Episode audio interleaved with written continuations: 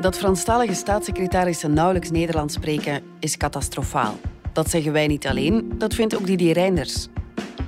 Peter de Lobel, die al jaren de Franstalige politici voor de standaard volgt, heeft het met ons over het waarom van zoveel onkunde. Kunnen ze het niet of willen ze het niet? Het is woensdag 25 november. Ik ben Lise Bonduel en dit is de podcast van de Standaard.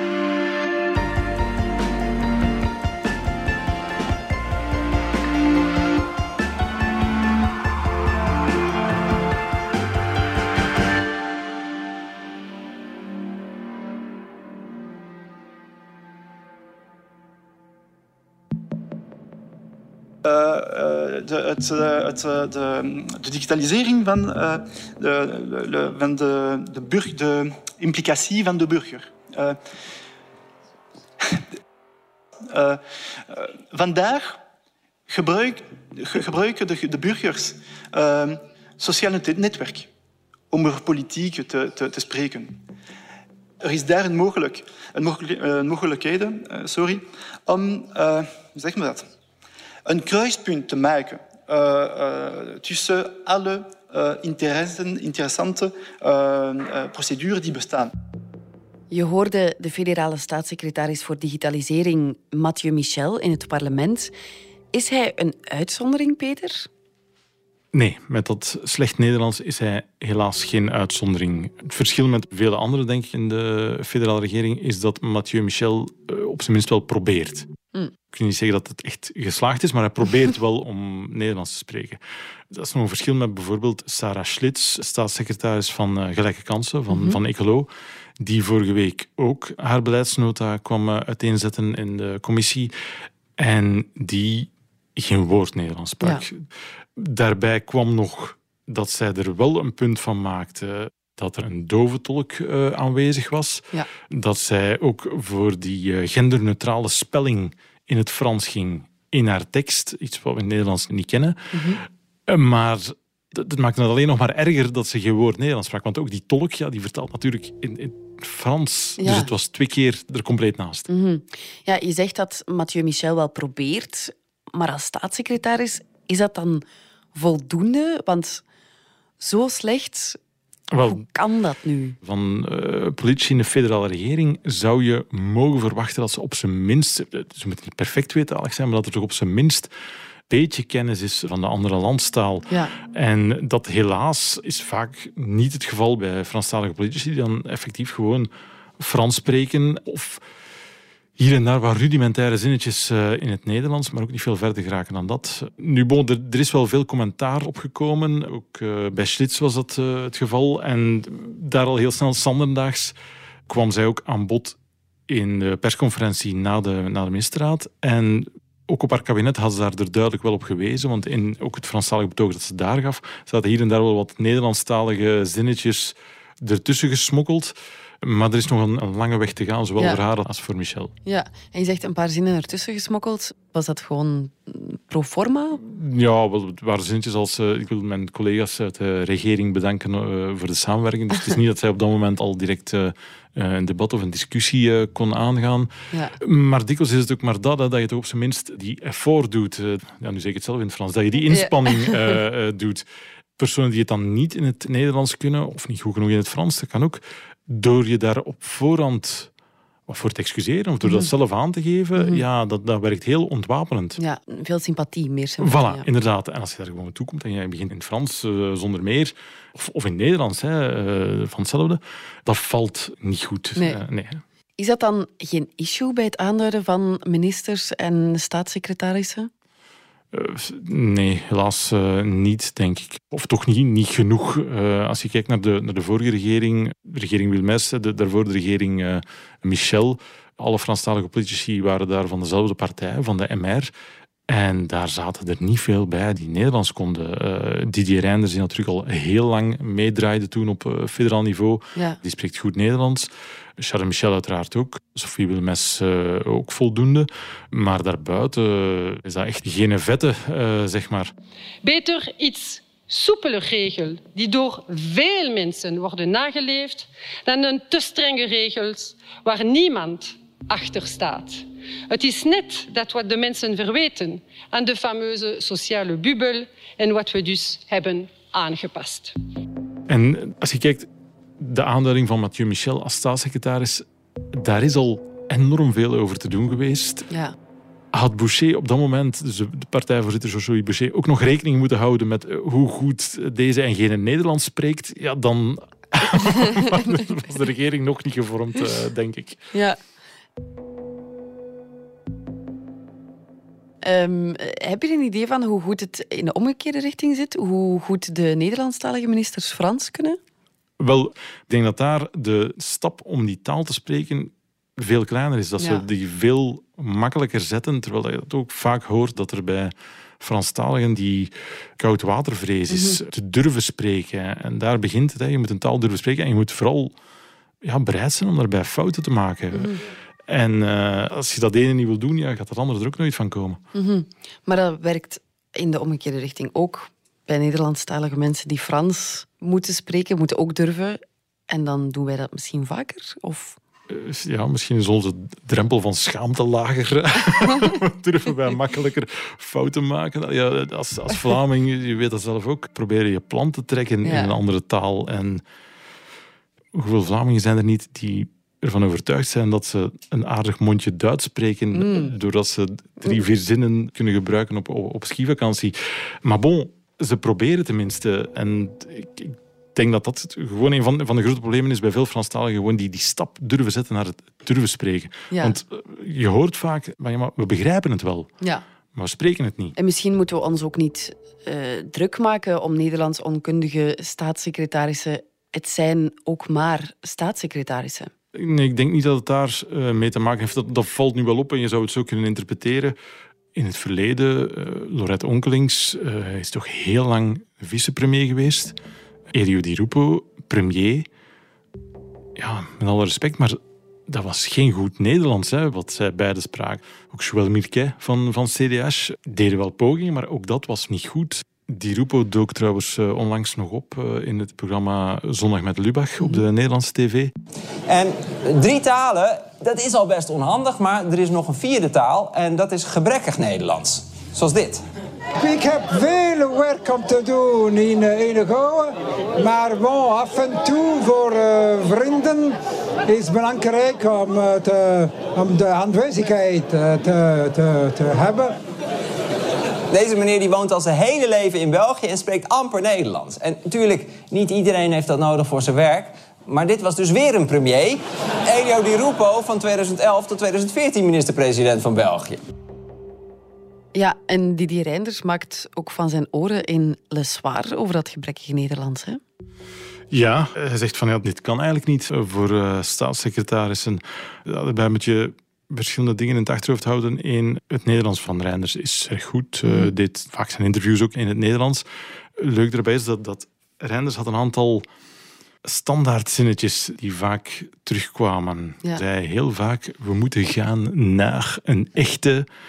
En dan kon je met verschillende dingen aanvullen. We moeten gaan naar een... Echte onderhandeling. We moeten gaan naar een... Echt akkoord. We moeten gaan naar een... Echt gesprek. Maar ook een betere integratie. En ik heb er iets met zijn woordvoerder over gehad en die zei van ja, maar ik, ik verbeter hem daar niet op, omdat dat, dat maakt het net heel herkenbaar. Je hoort onmiddellijk dat het Didier Reinders is, zodra uh, hij begint te spreken. Dus bon, ja, dat Reinders natuurlijk commentaar geeft op uh, uh, iets wat Mathieu Michel doet, dat heeft dan natuurlijk weer te maken met gevoeligheden binnen de MR-discussies, ja. Clan Reinders, Clan Michel. Dus dat moet je er altijd wel, wel ja. bij nemen. maar bon, neemt niet weg dat Didier Reinders zich er wel over uitgesproken heeft en, en gezegd heeft, uh, en niet onterecht denk ik, dat uh, totaal gebrek aan, aan kennis van, van het Nederlands, dat dat gewoon niet door de beugel kan. Ja.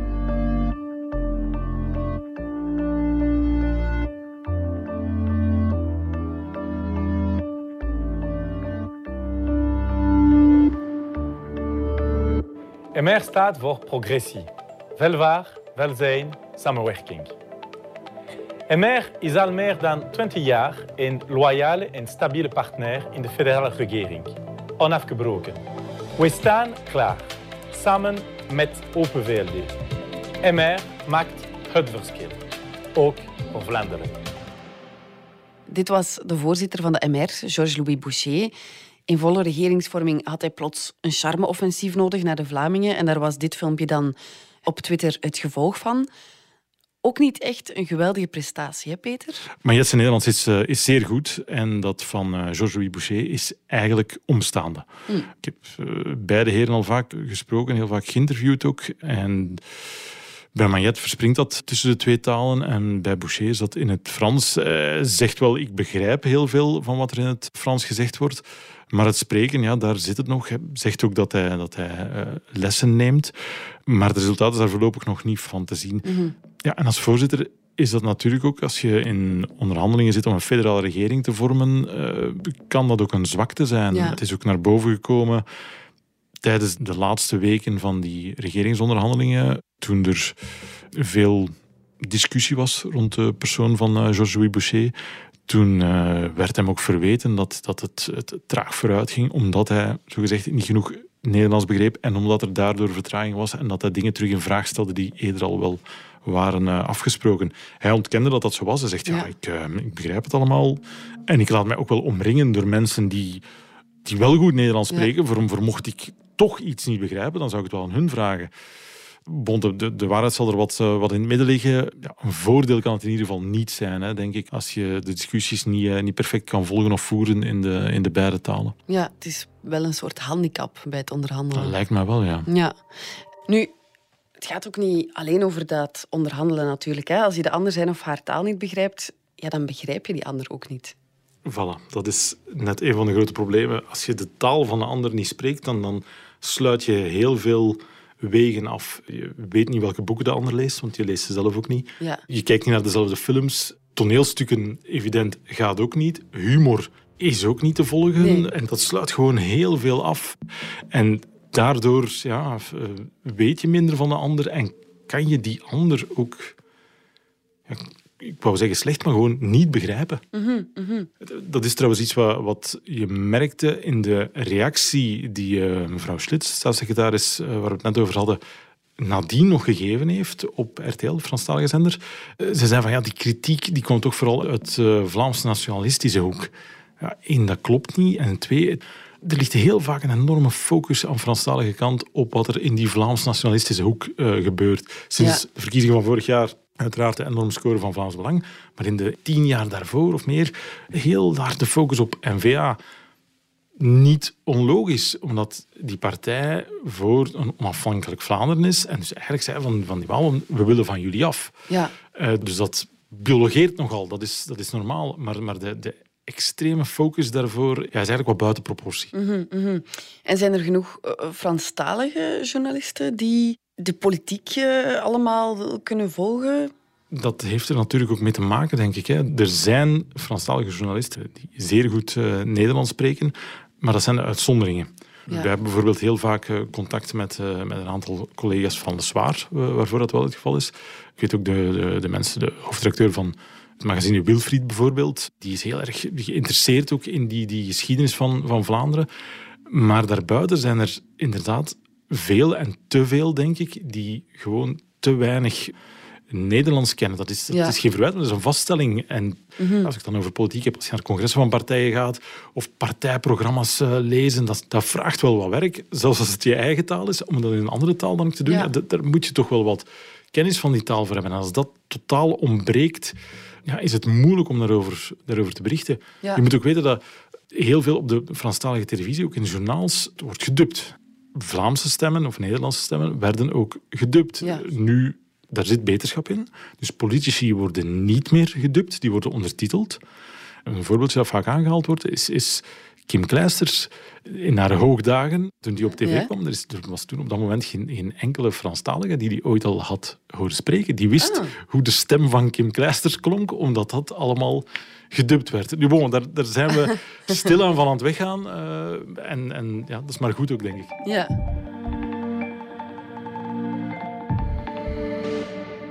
Hoe komt dat nu? Leren ze onze taal niet op school? Wel, het uh, Franstalig onderwijs wordt daar de vinger gewezen.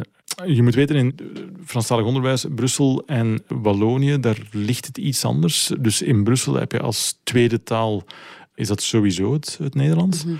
En in Wallonië is dat niet zo. Dus daar eh, kunnen kinderen wel een, een, een tweede taal leren, maar daar hebben ze de keuze tussen Nederlands, het uh, Engels, Duits of zelfs Spaans.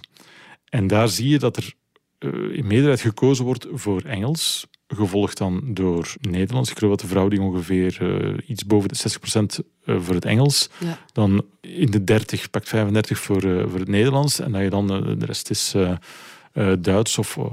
ja. Voelen de Franstaligen dan geen behoefte om Nederlands te leren spreken?